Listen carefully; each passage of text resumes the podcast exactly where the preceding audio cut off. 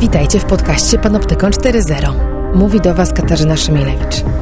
Jestem prawniczką i prezeską Fundacji Panoptykon, która reaguje na zagrożenia związane z rozwojem nowych technologii i to, co dzieje się na styku tej technologii człowieka. W Panoptykonie 4.0 mam ten komfort, że nie zaglądam do ustaw, nie gadam z politykami, ale mogę zrobić coś ciekawszego, mogę zajrzeć na zaplecze tych technologii, przemyśleć to, skąd się wzięły, co tak naprawdę zmieniają w naszym życiu, jak działają i rozmawiam o tym z ludźmi, którzy wiedzą, wiedzą, bo badają, wiedzą, bo są praktykami e, i tą wiedzą potrafią się dzielić. Technologie i człowiek. Człowiek i technologie. Gdzie na tym styku czekają na nas zagrożenia? Jak korzystać z technologii, by na nich skorzystać? Jak kontrolować, kto gromadzi o nas informacje i do czego ich używa? Z ekspertami i praktykami rozmawia Katarzyna Szymielewicz. Panoptykon 4.0 Podcast to KFM.pl i Fundacji Panoptykon. Dzień dobry, mówi do Was Katarzyna Szymilewicz. E, jesteśmy w podcaście Panoptykon 4.0, cały czas w wydaniu zdalnym, a więc nagrywanym w warunkach chałupniczych poza e, studiem radiowym, więc tradycyjnie już przepraszam Was za jakość, e, która nie będzie tak doskonała i za wszelkie usterki, ale staramy się nadrabiać merytorycznie. Mm, dzisiaj wrócimy nie uciekniemy od tematu pandemii, ponieważ pandemia jest, jest dookoła nas i podrzuca podrzuca ciągle mm, kolejne ważne tematy, e, ale to będzie jednocześnie nawiązanie do tego, o czym wielokrotnie w podcaście wcześniej rozmawialiśmy, ja obiecywałam, że, że będziemy wracać, bo temat jest ważny, rozwojowy i trudny, mianowicie sztuczna inteligencja. Dzisiaj właśnie na przecięciu e, tego, co społecznie ważne, czyli zastosowań społecznych, wielkich nadziei, jakie na pewno media, mam wrażenie, że też politycy, nie wiem jak ludzie, bo z tymi najmniej mam przyjemność e, na co dzień rozmawiać, ale na pewno i media, i politycy mm, duże nadzieje e, zdają się pokładać w tym, w czym mogłaby nam pomóc sztuczna inteligencja, jeśli chodzi o, o zagrożenia epidemiologiczne. Pojawiają się pojawiają się kolejne teksty mówiące o tym, że właśnie AI wymyśli nam szczepionkę, przyspieszy procesy testowania, oczywiście wykryje wcześniej nowe ogniska i tak dalej, i tak dalej. Dzisiaj chciałabym zająć się trochę właśnie rozbrajaniem różnych mitów, bo jest ich sporo wokół, wokół tej technologii i tak naprawdę porozmawiać o tym, czym ona rzeczywiście jest, a czym nie jest, co powinniśmy o niej jako ludzie, użytkownicy, czasami eksperci z innych dziedzin wiedzieć, żeby nie zgubić się, żeby móc ją kontrolować i żeby móc odsiać to, co jest sferą science fiction czy wyobraźni od tego, co rzeczywiście nam zagraża, jeśli zagraża i od tego, co rzeczywiście jest szansą, jeśli jest szansą. Więc sporo będzie rozpakowywania mitów, nie tylko w kontekście medycznym, ale na pewno, na pewno o tym powiemy e, i pewnego porządkowania. I mogę to zrobić, będę mogła to zrobić, ponieważ jest ze mną mm, idealna do tego osoba, Agata Foryciarz, e, doktorantka na Wydziale Informatyki Uniwersytetu Stanforda, gdzie bada właśnie algorytmy uczenia maszynowego, które są wykorzystywane w naukach biomedycznych, a więc wspierają decyzje lekarzy w diagnostyce e, i nie tylko. Jednocześnie Agata od paru lat wspiera, współpracuje e, na, e, z nami w Fundacji Panoptykon właśnie, kiedy tworzymy materiały edukacyjne, czy staramy się sami zrozumieć, jak tak zwane AI lub mówiąc konkretniej algorytmy uczenia maszynowego działają, więc znamy się nie od wczoraj i tym bardziej wiem, że to będzie ciekawa rozmowa. Witam Cię serdecznie. Cześć. Cześć, pozdrawiam. Dziękuję, dziękuję, że się zgodziłaś na, na no nieproste, że podjęłaś nieproste zadanie, bo y, myślę, że dla praktyka, a ty miałaś do czynienia w przyszłości z projektowaniem algorytmów, pracowałaś przy tym już w zasadzie zawodowo i jednocześnie badasz tę, tę tematykę, niełatwo jest przejść na język ludzki, na, na tłumaczenie rzeczy od podstaw, a to będziemy próbowały dzisiaj zrobić. Mm, jednocześnie... Będę się starała przepraszam e, słuchaczy, e, tych słuchających nas, którzy mają wiedzę w temacie i mogą w trakcie podcastu poczuć się urażeni naszym słowotwórstwem. Na pewno będziemy tworzyć jakieś nowe słowa, na pewno nie wszystkie terminy uda nam się zgrabnie na polski przełożyć, bo jednak Agata porusza się w tym wyłącznie po angielsku. Ja dopiero się uczę tych terminów, ale myślę, że jeśli chodzi o sens, będziemy bardzo bliskie prawdy i tylko prawdy. No dobra, to jedziemy. Agata, y, pytanie, które muszę zadać, mimo że na pewno dla Ciebie jest ono na, na pograniczu, na pograniczu y, obraźliwości. Jak to jest y, z tą e, AI i pandemią? Czy sztuczna inteligencja pomoże nam w walce z pandemią? Jeśli tak, to w czym konkretnie mogłaby nam pomóc? To jest temat rzeka. Na Stanfordzie zorganizowana została konferencja na samym początku pandemii Koronawirus plus AI bardzo y, dużo było na, wokół niej y, szumu, marketingu, no, w, w, sieciach społecznościowych bardzo dużo się nie mówiło. Przy czym na samej konferencji tak naprawdę praktycznie nie było mowy o AI. Y, natomiast była bardzo dokładna, merytoryczna dyskusja o tym, jak szpitale się dostosowują do pandemii, co naukowcy robią, co robią lekarze, więc wygląda, że, że wsadzenie tego AI w tytuł było trikiem marketingowym. Na szczęście i nie na nieszczęście. Oni to robią. Nie tylko oni to robią.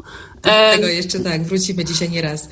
Ale pokazuje to, że tak naprawdę jakby samo ja nie było ważne w tym kontekście. Znaczy ważne było to, żeby przyciągnąć ludzi, żeby porozmawiać o koronawirusie, ale AI nie miało tam za dużo do, do dodania. A gdzie, gdzie, gdzie mogłoby, w swojego doświadczenia y, biomedycyny, gdzie AI się rzeczywiście przydaje w kontekście zdrowia? Y, w kontekście nawet samego koronawirusa y, moja grupa badawcza, nie ja sama, ale moja grupa badawcza zajmowała się właśnie reakcją na, na koronawirusa wewnątrz szpitala Stanfordu i to, co oni robili, to było na przykład obliczanie statystyk, y, jak często występują ze sobą różne objawy, albo jaki procent jaki procent pacjentów ma jednocześnie jakieś inne diagnozy. To nie było jakby AI, to nie było jakieś y, algorytmy przewidujące cokolwiek. To była czysta statystyka, używanie danych do wyciągnięcia jakiejś informacji i to były te informacje, które okazały się najbardziej przydatne. I tam mm, szefowie różnych wydziałów zdrowia publicznego w innych stanach też się interesowali tymi statystykami, które ci ludzie zajmujący się na co dzień y, uczeniem maszynowym i rozwijaniem różnych algorytmów wewnątrz szpitala Stanfordu, w tym przypadku y, skupili się głównie na wyciąganiu tych liczb, bo to one były najważniejsze. Ciekawe, ja jak sprawdzałam, sama próbowałam zbadać to, gdzie już w kontekście walki z pandemią pojawiła się e, sztuczna inteligencja, to najciekawszy chyba przykład dla mnie dość banalny, też uspokajający, jeśli chodzi o to, czego możemy się spodziewać, to kanadyjska e, Blue Dot, czyli e, sztuczna inteligencja wytrenowana w przetwarzaniu języka e, z różnych źródeł, która po prostu analizuje to, co ludzie i nie tylko ludzie, również instytucje rozmaite publikują w sieci i zauważa nowe tematy rozmów, nowe, nowe doniesienia i jest w stanie dość szybko zorientować się, że na jakimś terenie geograficznym, w jakiejś lokalizacji więcej osób niż zwykle narzeka na przykład na pewne objawy, tak, w tym przypadku kaszel czy, czy duszności. E, i może rzeczywiście podobno zresztą też dość szybko wykryła te nieprawidłowości, czy też, czy też nowe wzory w tym, jak ludzie się komunikują i była w stanie dać sygnał, że prawdopodobnie mamy do czynienia z nową chorobą i to chorobą zakaźną. Więc tego typu użycie mnie ani nie stresuje, ani nie dziwi. E, czy sądzisz, że również e, w pracy nad szczepionką w jakiś sposób te algorytmy uczenia maszynowego mogą coś przyspieszyć, coś pomóc, czy to jest po prostu hype, który media podbijają, bo po prostu bardzo chcielibyśmy wszyscy tej szczepionki? Nie, na pewno, na pewno pomogą bardzo.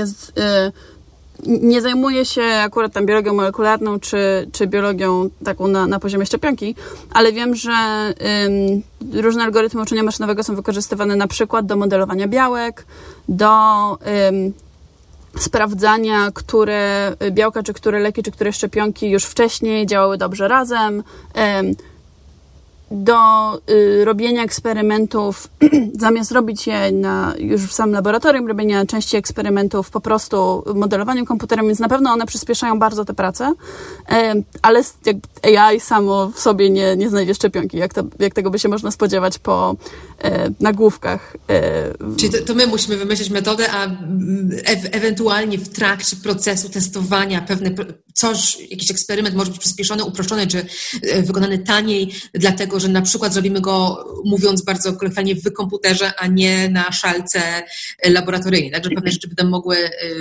być modelowane komputerowo na przykład. Dokładnie. No tak samo jak kalkulator na pewno przyspieszył badanie nad szczepionką i tak samo jak komputer przyspieszył badanie nad szczepionką, tak samo kolejne metody statystyczne przyspieszają ale są jakby narzędziem bardziej niż, niż y, jakąś taką skrzynką magiczną, która sama w sobie to robi.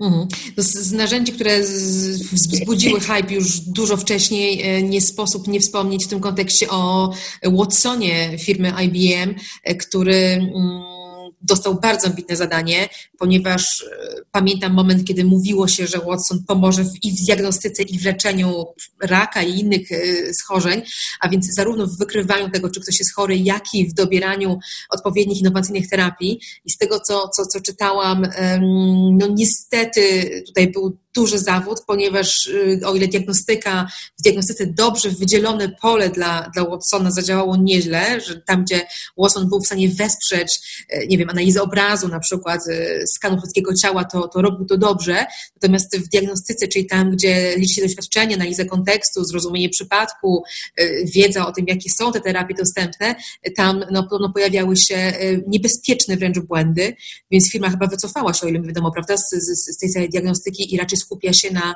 e, na, na, na samej analizie właśnie badań ludzi. Czy, czy potwierdzasz, że tak rzeczywiście było? tak, to była bardzo taka głośna historia, gdzie szpital w Teksasie podpisał umowę na 62 miliony dolarów z Watsonem, e, żeby Watson właśnie wprowadził narzędzie analityczne wspomagające diagnozę onkologiczną, czyli przy rakach.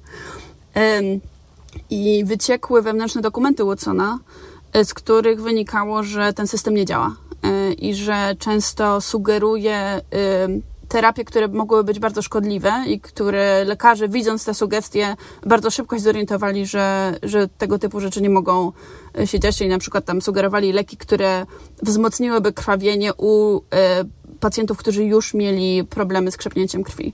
E, to zadanie, którego podjął się Watson, to znaczy ta, ta cała diagnostyka, to jest straszliwie trudne zadanie i, i nie ma się co dziwić, że... Że polegli. Że polegli, dlatego że Poza tym, że trzeba zdobyć dane, które jest bardzo trudno zdobyć przy y, poszanowaniu prywatności pacjentów, poza tym, że trzeba zrozumieć y, cały ten proces diagnostyki, który jest bardzo złożony, y, bo właśnie zbiera lekarze ucząc się procesu diagnozowania, zbierają bardzo różne typy informacji i mogą też zasięgnąć swojego własnego doświadczenia, doświadczeń innych lekarzy.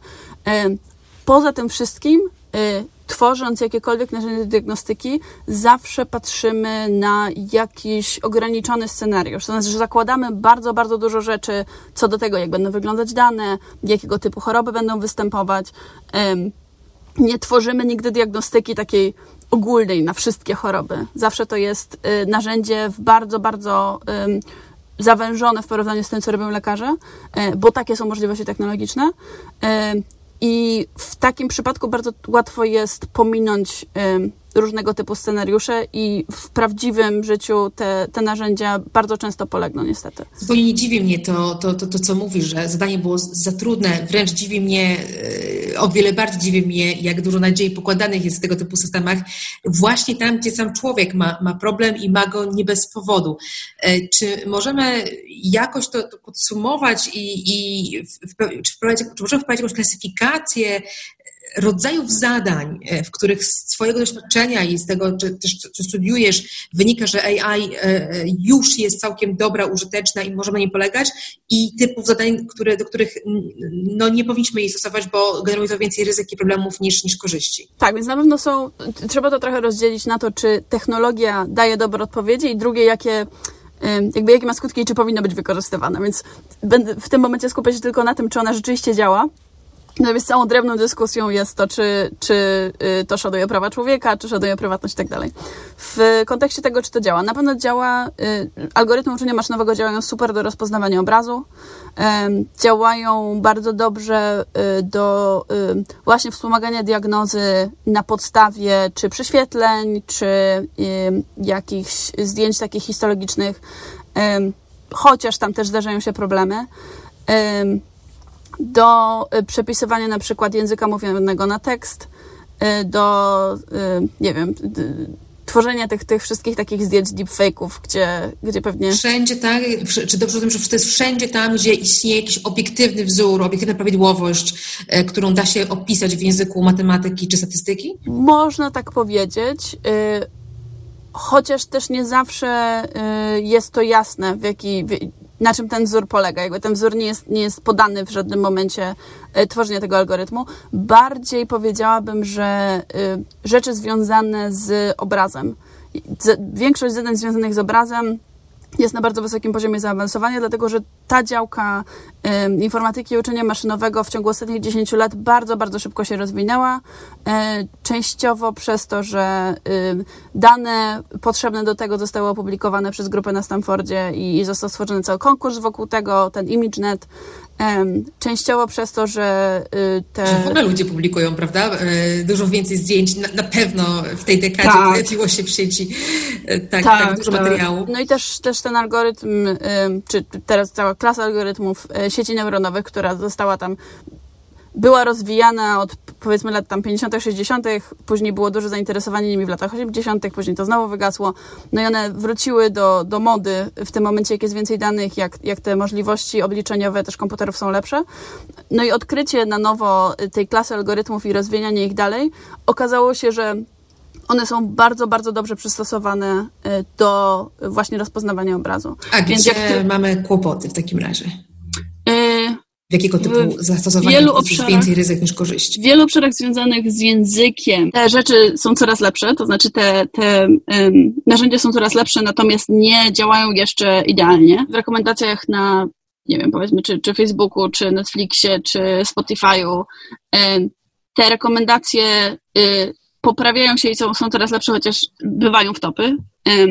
Natomiast obszary, gdzie y, absolutnie y, wykorzystanie jest problematyczne i powinniśmy tego unikać, to są jakiekolwiek przewidywania zachowań ludzkich, szczególnie jeżeli te przewidywania, które ten algorytm by stworzył, wpływałyby później na życie tych ludzi. Tak, czyli na przykład y, wszelakie algorytmy do przewidywania tego, czy ktoś popełni jakieś wykroczenie w przyszłości, jakim będzie pracownikiem. Czy stworzy ryzyko niespłacenia kredytu. Tak, tak. No, czy na przykład y, algorytmy do przewidywania, gdzie się wydarzą y, przestępstwa, y, czy kto będzie terrorystą, czy które dzieci y, są y, z jakimś prawdopodobieństwem zagrożone jakimś wykluczeniem czy, czy jakimiś problemami e, tak w szkole. Albo na przykład y, jest zagrożenie, że staną się przestępcami. Jakiekolwiek takie wróżenie z fusów na przyszłość, które y, to znaczy, możemy wróżyć, jeżeli naszym celem jest danie większej ilości wsparcia tym ludziom, tak? Czyli możemy na przykład, spodziewamy się, że będziesz miał problemy w przyszłości, więc y,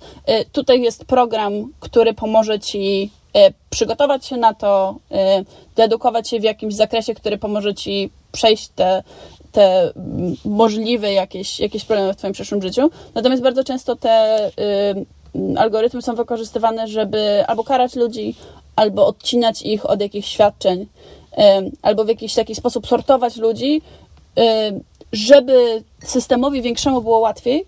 Natomiast z dużą, dużą szkodą dla, dla samych zainteresowanych. No i oczywiście y, poza tym, że, że one są szkodliwe, one po prostu też nie działają. Mhm. No rozumiem, że tutaj dotykamy e, e, problemu e, statystyka versus konkretny przypadek konkretnego człowieka.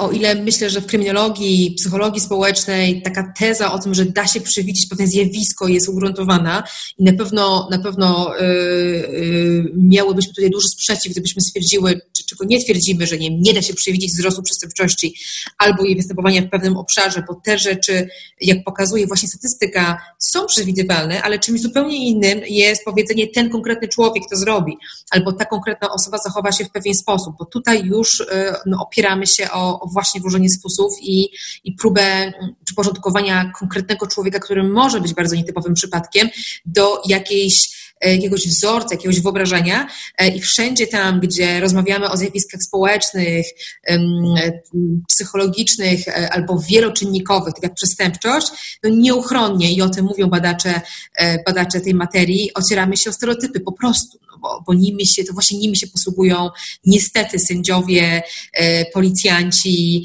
e, inni praktycy, którzy na co dzień mają do czynienia z tego typu decyzjami, prawda? Co zrobić z człowiekiem, który ma określone cechy, a my musimy coś obstawić, obstawić. Musimy obstawić, czy będzie wiarygodny, czy niewiarygodny, czy będzie niebezpieczny, e, czy, czy zachowa się zgodnie z, z normami. Więc ludzie w takich sytuacjach posługują się bardzo mocno stereotypami i wychodzi na to, że owa mityczna, magiczna AI nie robi nic innego, że po prostu kopiuje nasz sposób myślenia. Tak, to znaczy, to jest bardzo ciekawe, bo cała rozmowa teraz wokół tych uprzedzeń algorytmicznych, w część, część tego dyskursu kręci się wokół tego, że ludzie są uprzedzeni, e, algorytmy mogą być obiektywne, ale niestety okazuje się, że są uprzedzone, bo są trenowane na danych stworzonych przez ludzi, więc teraz Które zawierają sobie te uprzedzenia. Tak.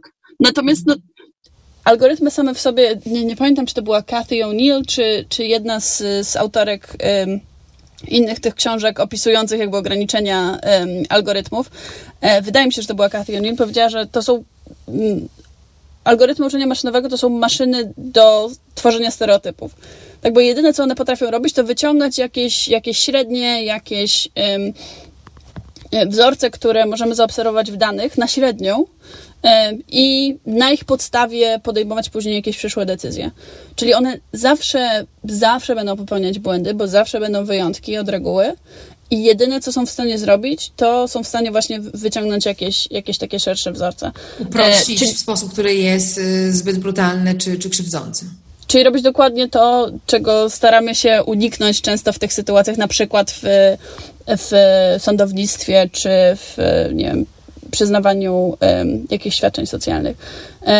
Podbito, co powiedziałaś, cytując Kefionil, cytując inną e, rewelacyjną autorkę, którą bardzo polecam i dzisiaj nieraz będę ją jeszcze cytować, e, Hanna Fry, brytyjska matematyczka, świetna książka wydana po polsku, Hello World, tytuł nie wskazuje, ale jest po polsku, e, mówi takie podobne zdanie, że wykorzystywanie algorytmów do opisywania świata rzeczywistego nie zawsze pomaga, zwłaszcza jeśli ten świat rzeczywisty ukształtowały stulecia uprzedzeń. Więc takie nasze myślenie, że weźmiemy dane i dzięki temu będziemy bardziej racjonalnie postępować, postępować, no bo to tak dobrze brzmi, prawda? Data science, oparcie na dowodach, e, świetne założenie, ale przecież jeśli dane nie, nie opisują nic innego niż nasze własne uprzedzenia czy uproszczenia, bo nie ma po prostu lepszych informacji, nie mamy tak naprawdę obiektywnych danych, które by mm, pozwalały modelować ludzkie zachowanie, mamy tylko zapis pewnych decyzji ludzkich na temat innych ludzi, e, no to jesteśmy w pewnej pułapce. Tak. I jeszcze bardzo dużą różnicą pomiędzy wykorzystaniem algorytmów do na przykład tam, nie wiem, czy opisywania obrazów, czy, czy analizy, nie wiem, czegoś, co, co ma mniejszy wpływ na ludzi, e, jest też to, że y, społeczeństwo jest bardzo dynamicznym systemem. Znaczy, to jest system, który stale się zmienia w momencie, jak go modelujemy i y, kiedy zbieramy jakiekolwiek dane i na ich podstawie próbujemy wyciągać wnioski, ten dane już są w pewien sposób nieaktualne. I to widzimy bardzo w e, naukach biomedycznych, gdzie używając zdigitalizowanych kartotek pacjentów e, do tworzenia jakichś modeli, które tam przewidzą na przykład, czy z jakim ryzykiem ktoś zachoruje na, na raka, na chorobę e, wieńcową, używając danych na przykład sprzed 10 lat, już wiemy, że, że tak naprawdę nie odpowiadają one obecnemu stanowi. I to jest to jest coś, co się powtarza w jakichkolwiek kontekstach społecznych. E, nie możemy tak naprawdę przewidzieć, wspomniałeś wcześniej, że według tam teorii e, socjologicznych czy kryminologicznych możemy przewidzieć na przykład, gdzie mniej więcej zdarzą się zbrodnie.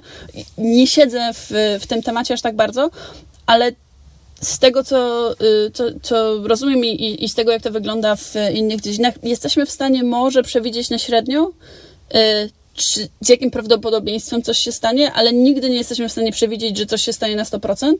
I rzeczywiście, tak jak mówiłaś, y, o ile na poziomie jakiejś tam grupy, czy poziomie jakiejś, jakiegoś obszaru geograficznego jeszcze powiedzmy jesteśmy w stanie w miarę okay oszacować y, prawdopodobieństwo jakiegoś zdarzenia, to jak zejdziemy do takiego poziomu indywidualnych ludzi, y, no to już zupełnie zupełnie trudno jest, jest powiedzieć cokolwiek na temat tego człowieka, bo, bo też tyle tyle bodźców wpływa na jego zachowanie. Mhm.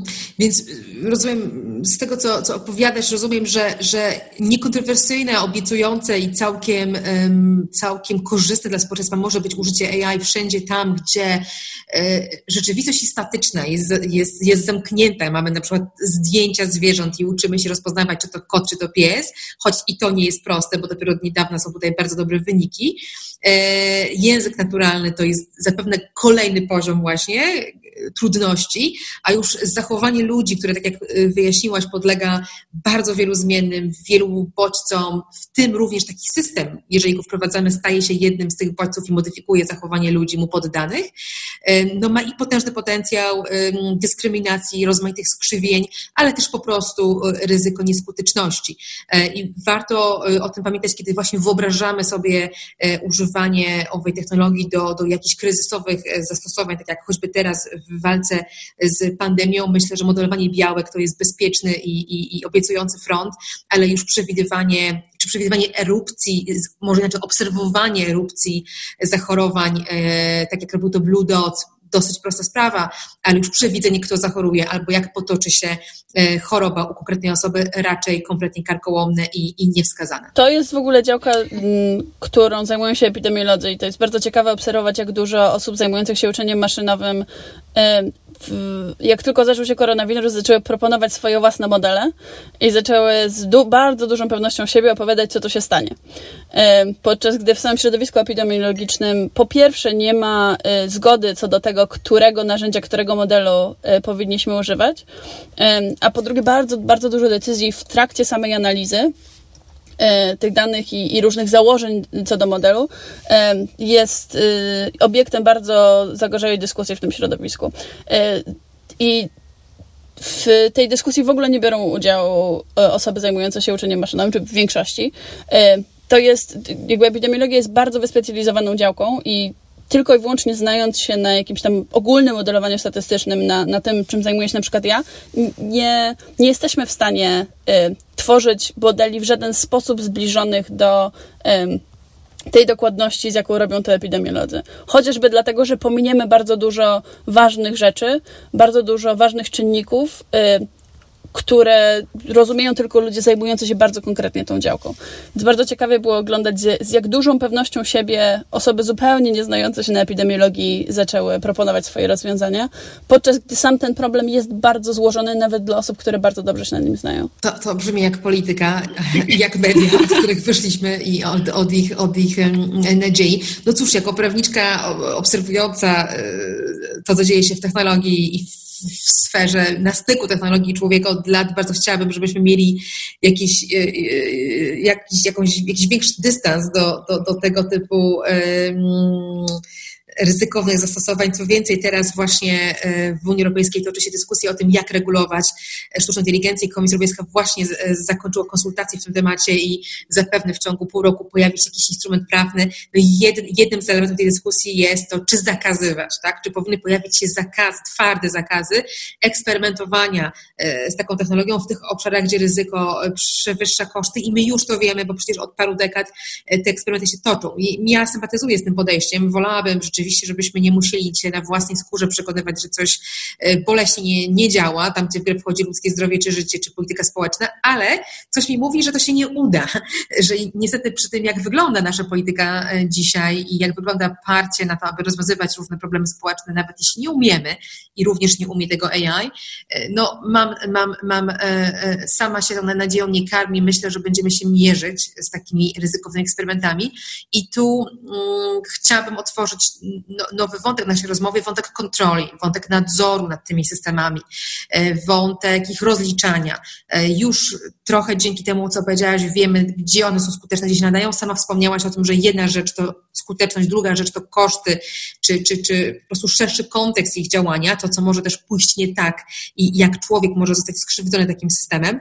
E, no, słowo rozliczalność pewnie bardzo niezgrabny po polsku, accountability, e, przychodzi tutaj z pomocą. Jeżeli umiemy sobie wyobrazić, że takie systemy działają ściśle pod nadzorem człowieka i to człowiek e, te ryzyka, e, ryzykami za, zarządza, moglibyśmy czuć się bezpieczni. Pytanie, czy z perspektywy naukowej taki pomysł, że owszem, aplikujemy AI w różnych nowych kontekstach, ale ściśle nadzorujemy, jest wykonalny. Czy, czy, czy uważasz, że, że takie oczekiwanie jest realne? To bardzo zależy od tego, co mamy na myśli przez AI, bo to jest takie y, słowo, które zawiera w sobie bardzo dużo znaczeń i bardzo dużo też zastosowań. Y, więc to, o czym mówisz, y, to będzie bardzo zależało od y, samej dziedziny, w której wykorzystujemy te algorytmy. Czyli na przykład w samej dziedzinie medycyny te algorytmy już w dużym stopniu są na pewno silniej regulowane niż, niż w innych działkach, dlatego że to jest dziedzina, która ma bardzo silne regulacje i dotyczące prywatności, i dotyczące eksperymentów na ludziach. No i stawki są wysokie, prawda? Nikomu nie trzeba tłumaczyć, że lepiej tu nie popełnić błędu. Ale jedno, że stawki są wysokie, a drugie, że istnieją bardzo poważne konsekwencje um, prawne też. Um, I um, i takie też osobiste dotyczące prestiżu, czy tam szpitala, czy lekarza, popełnienie jakichś tam błędów, czy zaufanie jakiemuś narzędziu bez sprawdzenia, czy ono rzeczywiście działa.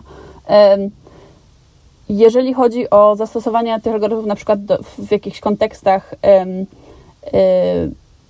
gdzie rząd próbuje, y, nie wiem, usprawnić, czy, czy y, zmienić działanie jakichś systemów, na przykład przydzielających świadczenia socjalne, czy próbuje w jakiś y, sposób wspomóc, nie wiem, działanie policji, używając tego typu algorytmów.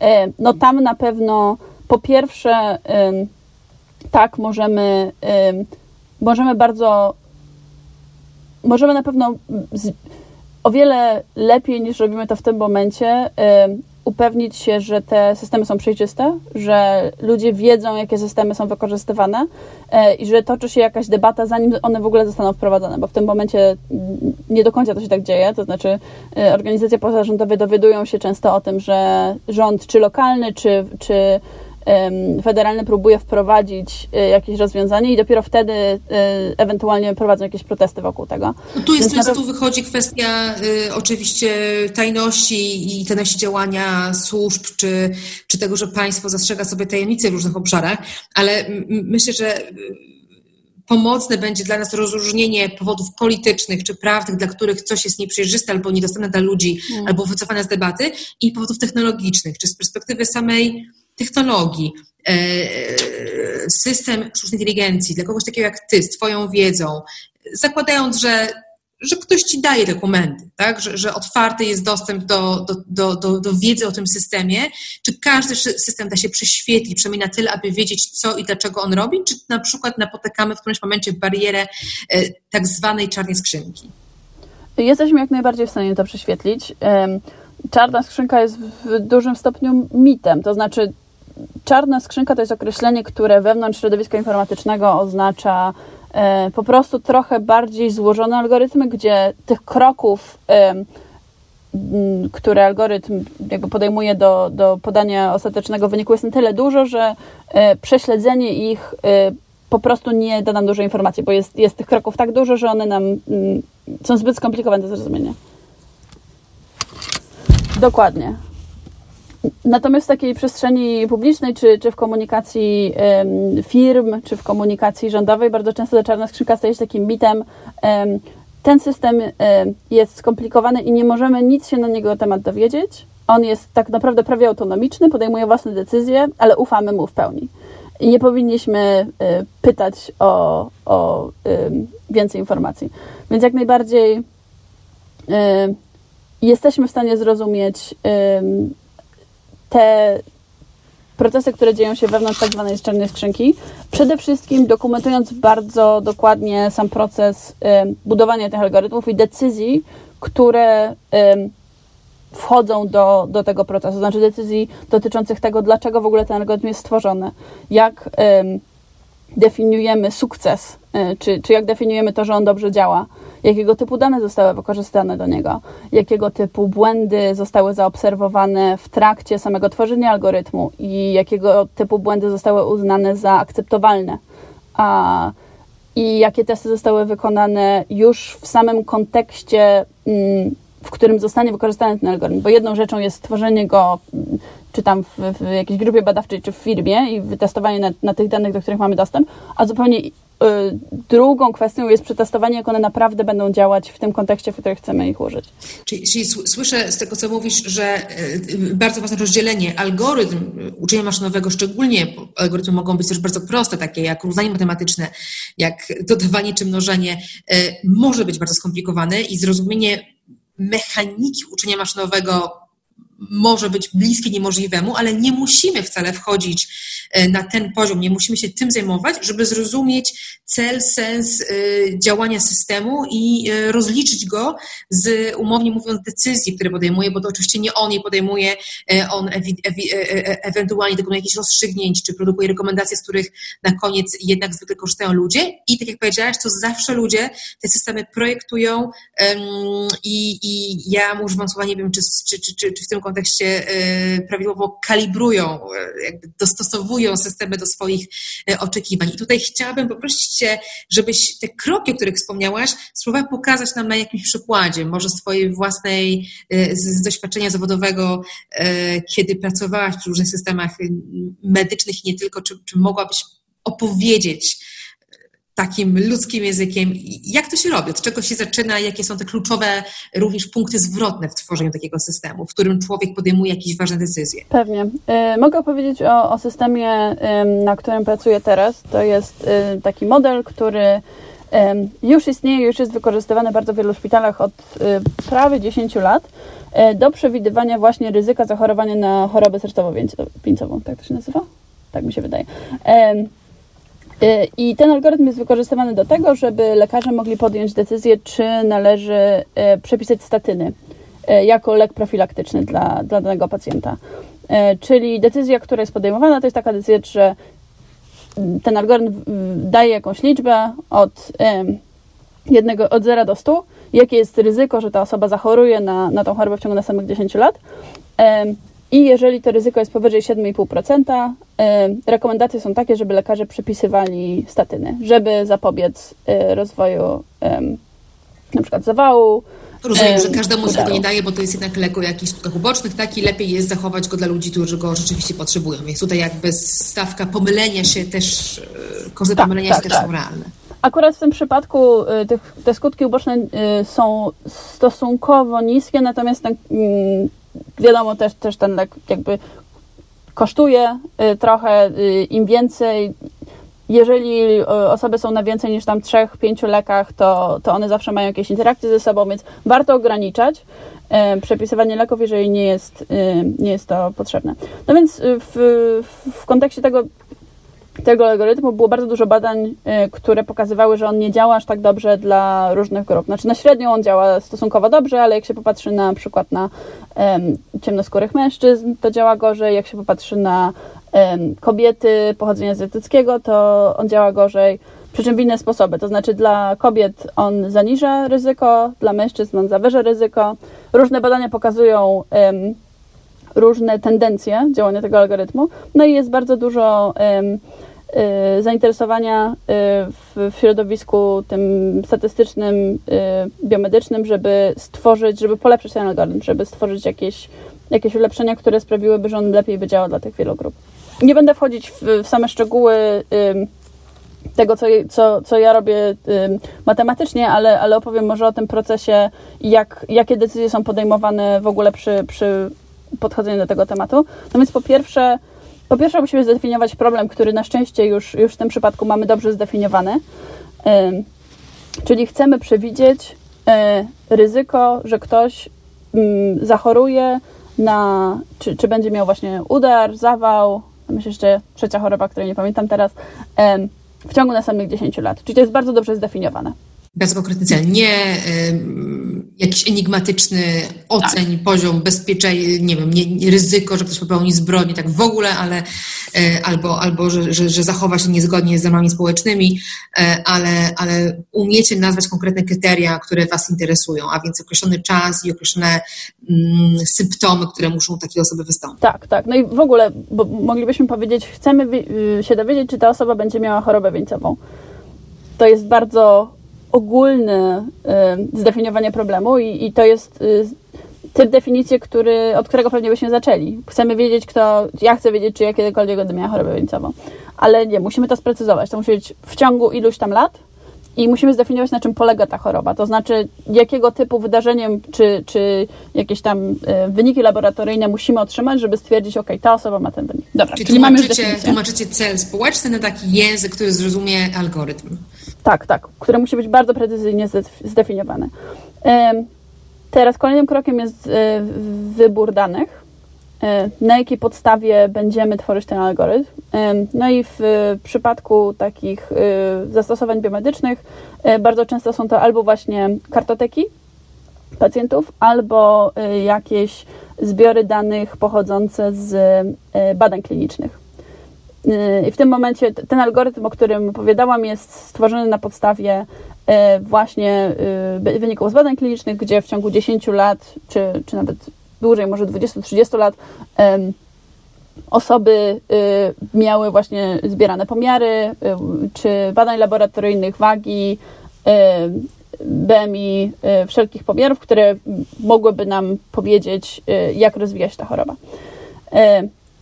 Ale nawet mając już dostęp do tych danych bardzo dobrze zdefiniowanych, tak, bo one są wewnątrz tych badań klinicznych, one już są posegregowane w te wszystkie tabelki, już mamy wszystkie informacje na temat ludzi, to już jest bardzo dobry. To jest bardzo rzadkie, że dane, które zbieramy, są już w tak, w tak e, ładnie poukładany sposób. Ale nawet mając dane już w tak, w tak czysty sposób, musimy nadal podjąć decyzję, kogo nie bierzemy pod uwagę. Czy jeżeli na przykład ktoś nie ma którychś pomiarów zebranych, czy, czy usuwamy tę osobę, czy próbujemy zgadnąć, jaki to jest pomiar, bo nie możemy wrzucić mm, pustych miejsc. Więc to, to, jest, y, to jest cały, cały ciąg decyzyjny, kogo włączyć, kogo wyłączyć. I musimy mogą to... się pojawić jakieś zagrożenia, że na przykład dlatego, że nie wiem, upraszczam teraz, y, brutalizuję osoby, nie wiem, kolorowe w Stanach Zjednoczonych mają słabszy dostęp do opieki medycznej, więc mają mniej badań. Jeżeli wykluczymy ludzi, którzy zrobili mniej badań, to na przykład zaburzymy sobie reprezentację różnych ras w naszym zbiorze, tak? To jest tak, to jest ogromny problem i, i większość badań medycznych jest prowadzona prowadzonych w ogóle na białych mężczyznach. Więc one się mają y, wiele rekomendacji co do y, tego właśnie, jakie leki przepisywać, czy jakie ryzyko wiąże się z jakimiś y, pomiarami.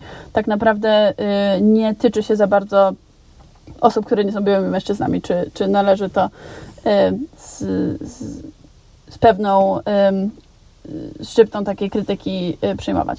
No więc, więc tak, na przykład te, te dane, którymi którymi ja się zajmuję, one konkretnie były zebrane po to, żeby um, sprzeciwić się temu problemowi, żeby te, te właśnie um, one mają y, dane dotyczące osób y, z różnych grup etnicznych, z różnych obszarów geograficznych, z różnych grup socjoekonomicznych, więc starali się już to, już to zapewnić, zbierając te dane.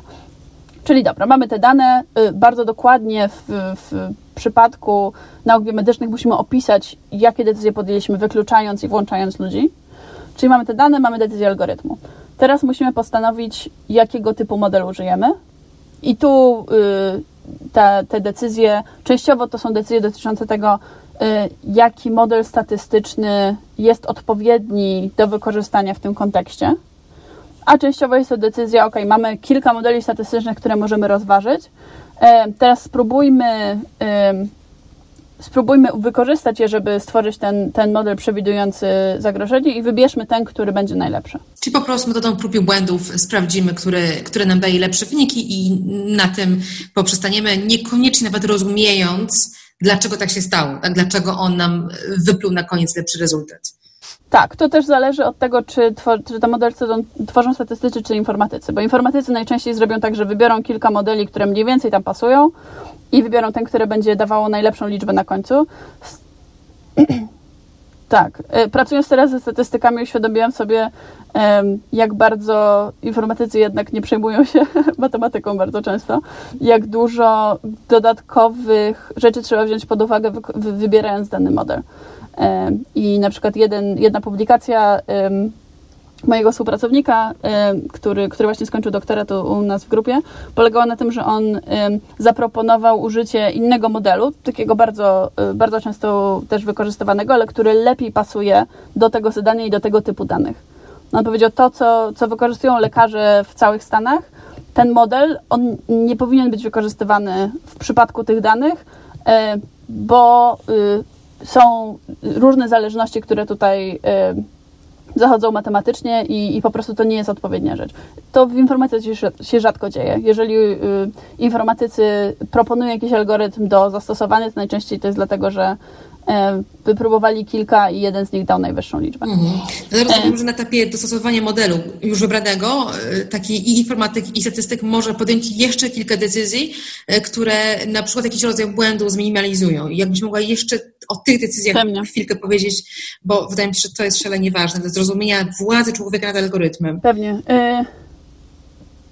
Więc mając już stworzony, powiedzmy, że mamy kilka modeli, które rozważamy, kolejnym etapem jest ewaluacja, czy, czy sprawdzenie, jak dobrze one rzeczywiście działają. I to zazwyczaj robimy na y, danych, których nie dotykaliśmy do, tego, do tej pory, tak zwanych danych testowych. Chodzi o to, że, żeby algorytm nie widział wcześniej tych danych, na których będziemy go testować. I używając tych danych testowych możemy y, przetestować algorytm na różne sposoby. To znaczy, możemy sprawdzić po prostu, na ile on jest dokładny, ale możemy też skupić się na różnych typach błędów. To znaczy, jak często y, wynik, który podaje algorytm, zakwalifikowałby osobę, która nigdy nie rozwinęłaby choroby wieńcowej, zakwalifikowałby ją do y, y, właśnie brania statyn. Jak często ten algorytm ominąłby osoby, które powinny brać statyny, ale przez ten wynik algorytmu by ich nie wzięły. To są ba dwa bardzo różne typy błędów, mimo że w tej takiej metryce najczęściej wykorzystywanej, znaczy dokładności, one są traktowane tak naprawdę z tego, co, tak co, co, co, czytałam, używa się w żargonie y, czułości i swoistości dla opisywania tej cechy algorytmu. A więc algorytm bardzo tak. czuły y, pomyli się w jeden sposób, a więc raczej wykryje nam wszystkich pasujących do, do pewnego modelu, ale jednocześnie to jest takie sito, które zagarnie też osoby, które, które, które nie spełniają kryteriów, będzie jakby zbyt łagodny w tej ocenie, a z kolei bardzo swoisty y algorytm zrobi coś odwrotnego, czyli wykryje nam tylko tych pasujących, ale przez to pomyli się w, taki sposób, że zapewne pominie nam osoby, które by też pasowały, ale były gdzieś na, na, na, pograniczu, na pograniczu błędu. I Dokładnie. jak rozumiem, wy próbujecie wyważyć między tą czułością i swoistością, jakiś złoty środek znaleźć, żeby mm, zbyt wielu osób nie skrzywdzić, e, pomijając tych potrzebujących, ale jednocześnie nie wrzucić, e, nie przepuścić przez to sito osób, które nie powinny przejść przez nie, bo, bo kryteriów nie spełniają i na przykład nie powinny brać tego leku, albo nie powinny być Dokładnie. na nie wydawane publiczne pieniądze prawda? Tak, tak, tak. I nawet każdy, każdy jeden algorytm, który wytrenujemy, on y, wybierając ten poziom, y, powiedzmy 7,5%, y, ten, ten moment, w którym podejmiemy tą decyzję, czy dawać leki, czy nie, nawet tam podejmujemy decyzję, na ile ważna jest dla nas swoistość, a na ile ważna jest dla nas czułość. Nawet w ramach jednego algorytmu nadal możemy, zmieniając ten, ten pułap decyzyjny, podejmować decyzję, czy czułość, czy swoistość jest ważniejsza.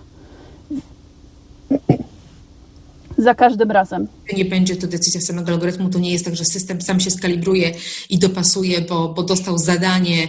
No właśnie to jest to zadanie, które my mu, my mu dajemy, prawda? Zadanie, tak jak powiedziałeś na początku, opisując proces, musi być bardzo precyzyjnie wskazane, a więc algorytm od człowieka dostaje instrukcję, jaki ten parametr swoistości, czułości, czy czego tam jeszcze ma osiągnąć, a nie zgaduje to sam. Dokładnie.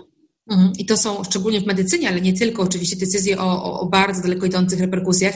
E, przywołana przeze mnie już Hannah Fry w swojej książce Hello World bardzo ładnie opisuje ten dylemat na przykładzie zbliżonym do Twojego przykładu, czyli y, diagnostyki medycznej kobiet z podejrzeniem raka e, i, i, też tłumaczy, że co z tego, że wyregulujemy algorytm w taki sposób, żeby nam wykrywał wszystkie potencjalnie chore, jeżeli na przykład e, przez to kobiety, które mogłyby spokojnie żyć, mogłyby nie być poddawane chemii, będą wciągnięte do jakiegoś programu, będą, ich życie zostanie być może bardzo skomplikowane taką terapią, a nie powinno być, bo ryzyko realne ich zachorowania było bardzo niskie, lub z drugiej strony, jeżeli uprzemy się, że chcemy chronić system przed y, wydatkami, na przykład na, na terapię kobiet, które, y, dla których ryzyko jest niskie, jeżeli pominiemy kilka, nawet jedną, która po prostu umrze, no konsekwencje są oczywiste, więc to, to, to są takie decyzje, które ważą, szczególnie w sferze publicznej ważą i, i tak jak już sama wspomniałaś, byłoby świetnie, gdybyśmy mogli o nich po prostu dyskutować jako społeczeństwo. Tak.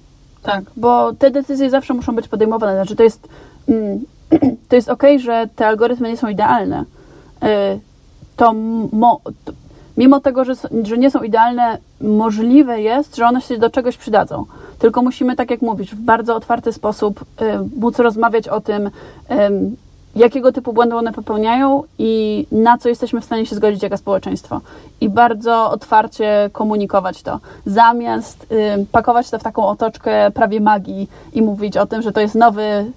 Tak, tak, i że to jest algorytm, który tutaj ma taką dokładność, tak świetnie działa, bo bardzo rzadko y, w kontekście algorytmów rozmawiamy tak samo szczerze co do ograniczeń, jak w, nawet w przypadku innej technologii medycznej. To jest bardzo ciekawe. Ja odkąd, odkąd przyglądam się tej e, problematyce, odkąd sama czytam i, i słucham takich ludzi jak, jak ty, czy Kefionil, czy Hanna Fry, nie mogę przestać się dziwić, jak niewiele w dyskusji publicznej jest właśnie rozmowy o tych kosztach, o tych, e, no, po angielsku mówimy trade-offs, e, ja mówię kompromis, w zasadzie nie wiem, jak to dobrze przetłumaczyć, o, ty powiedziałeś ograniczenia, no, można to różnie nazywać, ale jedno jest pewne, projektujące systemy, projektanci tych systemów zawsze mierzą się z bardzo sztywnymi ograniczeniami, które narzuca im matematyka i statystyka i udawanie, że tych decyzji nie ma, jest po prostu niebezpieczne. No, choćby przywołam też samą Kefionil, która y, zawodowo zajmuje się doradzaniem firmom i, i zawodowo zajmuje się, tak jak sama mówi, tłumaczeniem priorytetów z języka biznesu na język danych i mówi wprost, że pojawiają się e, e, tu nie tylko pytania etyczne, ale też pytania o to, co jest priorytetem. Tak? Nie da się, mówi Kefionil, jednocześnie zminimalizować wskazań fałszywie pozytywnych, zmaksymalizować trafności i zminimalizować wskazań fałszywie negatywnych. To są te różne typy błędów, które opisywałaś wcześniej. Co poświęcić? No właśnie decyzja, co poświęcić, e, zawsze gdzieś tam zapada i byłoby bardzo dobrze, gdyby podejmował ją nie tylko może w izolacji swojego, swojego komputera i swojej głowy jakiś pojedynczy e, badacz, statystyk czy informatyk, ale e, gdyby to była dyskusja. Czy masz poczucie, pracując przy tych systemach, że to, że to często jest dyskusja, o tym się dyskutuje wewnętrznie przynajmniej, czy, czy nie bardzo? Czy to jest trochę rzut monetą albo przypadek, która decyzja zapadnie? E, to bardzo zależy, jak, y, po, po, co pracują nad danym algorytmem. Bo jeżeli pracuję nad algorytmem y, na moim wydziale, na Wydziale Informatyki, e, to najczęściej robię to po to, żeby opublikować y, moje wyniki w, na jakiejś konferencji naukowej i tam najbardziej liczy się to, czy moja liczba, czy mój wynik będzie wyższy od poprzedniego wyniku, który został opublikowany na ten temat. E, I tak, wtedy rozmawia się o ograniczeniach, ale pokazuje się je w taki sposób, żeby one nadal wypadły korzystnie w porównaniu z poprzednimi badaniami. Więc to bardzo zależy od um, i od y, tego, gdzie ktoś próbuje publikować, i też od samej kultury grupy badawczej i y, promotora, czy, czy ktoś bardzo skupia się na takiej szczerości i pokazaniu wszelkich ograniczeń, czy y, jest ok z tym, żeby pokazać w bardzo dobrym świetle swoje badania, bo jest to stosunkowo łatwo zrobić. Y, w mojej grupie badawczej, która jest na Wydziale Informatyki Biomedycznej, y, najczęściej tworzymy algorytmy po to, żeby one jednak zostały wykorzystane w naszym szpitalu na Stanfordzie. No i tam już wchodzą inne argumenty, to znaczy my musimy pokazać temu szpitalowi, że ten algorytm działa, y, jakie korzyści z niego wyciągnie sam szpital i wobec pacjentów, i finansowe, i jak on wpłynie na działanie w ogóle i lekarzy czy pielęgniarek współpracujących z tym algorytmem, więc y, już tam musimy być trochę bardziej otwarci co do ograniczeń i lepiej to dokumentować. Nie no, ma tutaj miejsca na, na tak zwaną e, ściemę. Podbijam to, ponieważ i jakby z, z, uśmiechem słucham tego, co mówisz na temat swojej pracy, bo e, obie wiemy, że w szeroko pojętym biznesie, szczególnie konsumenckim, czyli tam, gdzie e, klientem nie jest szpital i to jest szpital na Stanfordzie, który e, wobec waszego laboratorium jest partnerem, i to zaufanym partnerem, ale klientem jest jakiś człowiek, który mm, sobie poskroluje Facebooka albo kupi e, inteligentną lodówkę, e, w cudzysłowie oczywiście, czy, czy inną zabawkę lub będzie wciągnięty w niebezpieczną zabawę typu postaż sobie twarz albo sprawdź coś innego na swój temat, wrzucając do systemu uczącego się na przykład zdjęcie po to, aby trenować algorytmy do rozpoznawania twarzy, że w takich kontekstach ludzie no, niestety są karmieni tym, co, co, co nazywacie, y, y, nazywa się po angielsku snake oil, czyli taka ściema marketingowa, której, w jak rozumiem, w obszarze AI jest, jest, jest, jest bardzo dużo. Wręcz mam poczucie, że im, im głośniej o, o tak zwanym AI w środku, tym bardziej wątpliwe jest, czy ta technologia rzeczywiście tam, tam jest. Twoje doświadczenia spoza właśnie Stanforda, czy, czy to potwierdzają, że, że dużo jest tej ściemy? Oj, bardzo. E, I mam wrażenie, że to wynika e, z dwóch rzeczy. Jedna to jest to, co powiedziałaś, to znaczy to, że dużo firm zajmuje się e, teraz wykorzystaniem, wprowadzeniem tych algorytmów, więc w naturalny sposób ten język dotyczący technologii i język marketingowy zaczyna się zbijać w jakby jeden, jeden sposób komunikacji. No i nie ma tak naprawdę powodu, żeby firma mówiła otwarcie i szczerze o ograniczeniach. E, mam nadzieję, że to się zmieni e, w ciągu następnych lat, jak ta technologia przestanie być taka nowa i jak, e, no niestety, kolejne historie dotyczące ograniczeń będą publikowane. Kiedy ja mówię, niestety... masz na myśli to, że coś po prostu się, się nie udało się jakiegoś celu osiągnąć, bo algorytm się brutalnie pomylił, kogoś wykluczył czy tak. skrzywdził. Tak. tak? To są te ograniczenia. Tak. I, I myśląc o tym z jednej strony y, cieszę się, bo, bo wiem, że wiem, że te historie wyjdą, wiem, że to już się dzieje i wiem, że to jest kwestia czasu, żeby one zostały nagłośnione. E, z drugiej strony bardzo niepokoi mnie to, że musi kolejne osoby muszą być poddane mm, właśnie działaniom mm, nie, nieotwartych systemów, dokładnie, eksperymentów, zanim, zanim zaczniemy rozmawiać na ten temat. No chociażby to, że Y, systemy rozpoznawania twarzy wykorzystywane przez policję w Ameryce i prywatne firmy. Od, od lat y, już aktywiści działają y, w organizacjach, które, które starają się zapobiec używaniu tej technologii. E, jednym z argumentów jest to, że ona nie działa tak dobrze dla osób o ciemniejszej kolorze skóry, natomiast to, to według mnie nie jest aż tak dużym problemem, jak to, że po prostu te systemy służą do nadzorowania ludzi w sposób, który łamie ich prawa człowieka. E, no i teraz IBM, Amazon, kilka jeszcze firm e, wycofało się albo, albo na chwilę zawiesiło pracę nad tą technologią. I, I, jest to w bezpośredni sposób reakcja na e, morderstwo Floyda w Ameryce, e, wokół których toczą się teraz protesty. Jak najbardziej marketingowy. Natomiast y, to, to jest jeden z tych przypadków, tak, że y, doszło do czegoś dramatycznego i w reakcji na to y, firmy rzeczywiście czy podejmują te decyzje, czy zaczyna się jakaś szersza dyskusja na temat roli technologii w, policji czy w wojsku amerykańskim. Mimo tego, że od wielu lat już ta dyskusja się ciągnęła. Czyli mam wrażenie, że w przypadku wielu innych technologii po prostu musi coś dużego się stać, żeby zaczęła być szersza dyskusja na ten temat e, i dopiero wtedy będziemy jako, jako społeczeństwo podejmować te decyzje, żeby się wycofywać. Ja też uważam, że tych przykładów e, dramatów ludzkich i tego, co poszło nie tak, mamy już tak dużo, że nie trzeba e, kolejnych. E, tu też bardzo pomocna dla wszystkich zainteresowanych jest książka Hanny Fry, Hello World, która po prostu pęka w szwach od tych przykładów.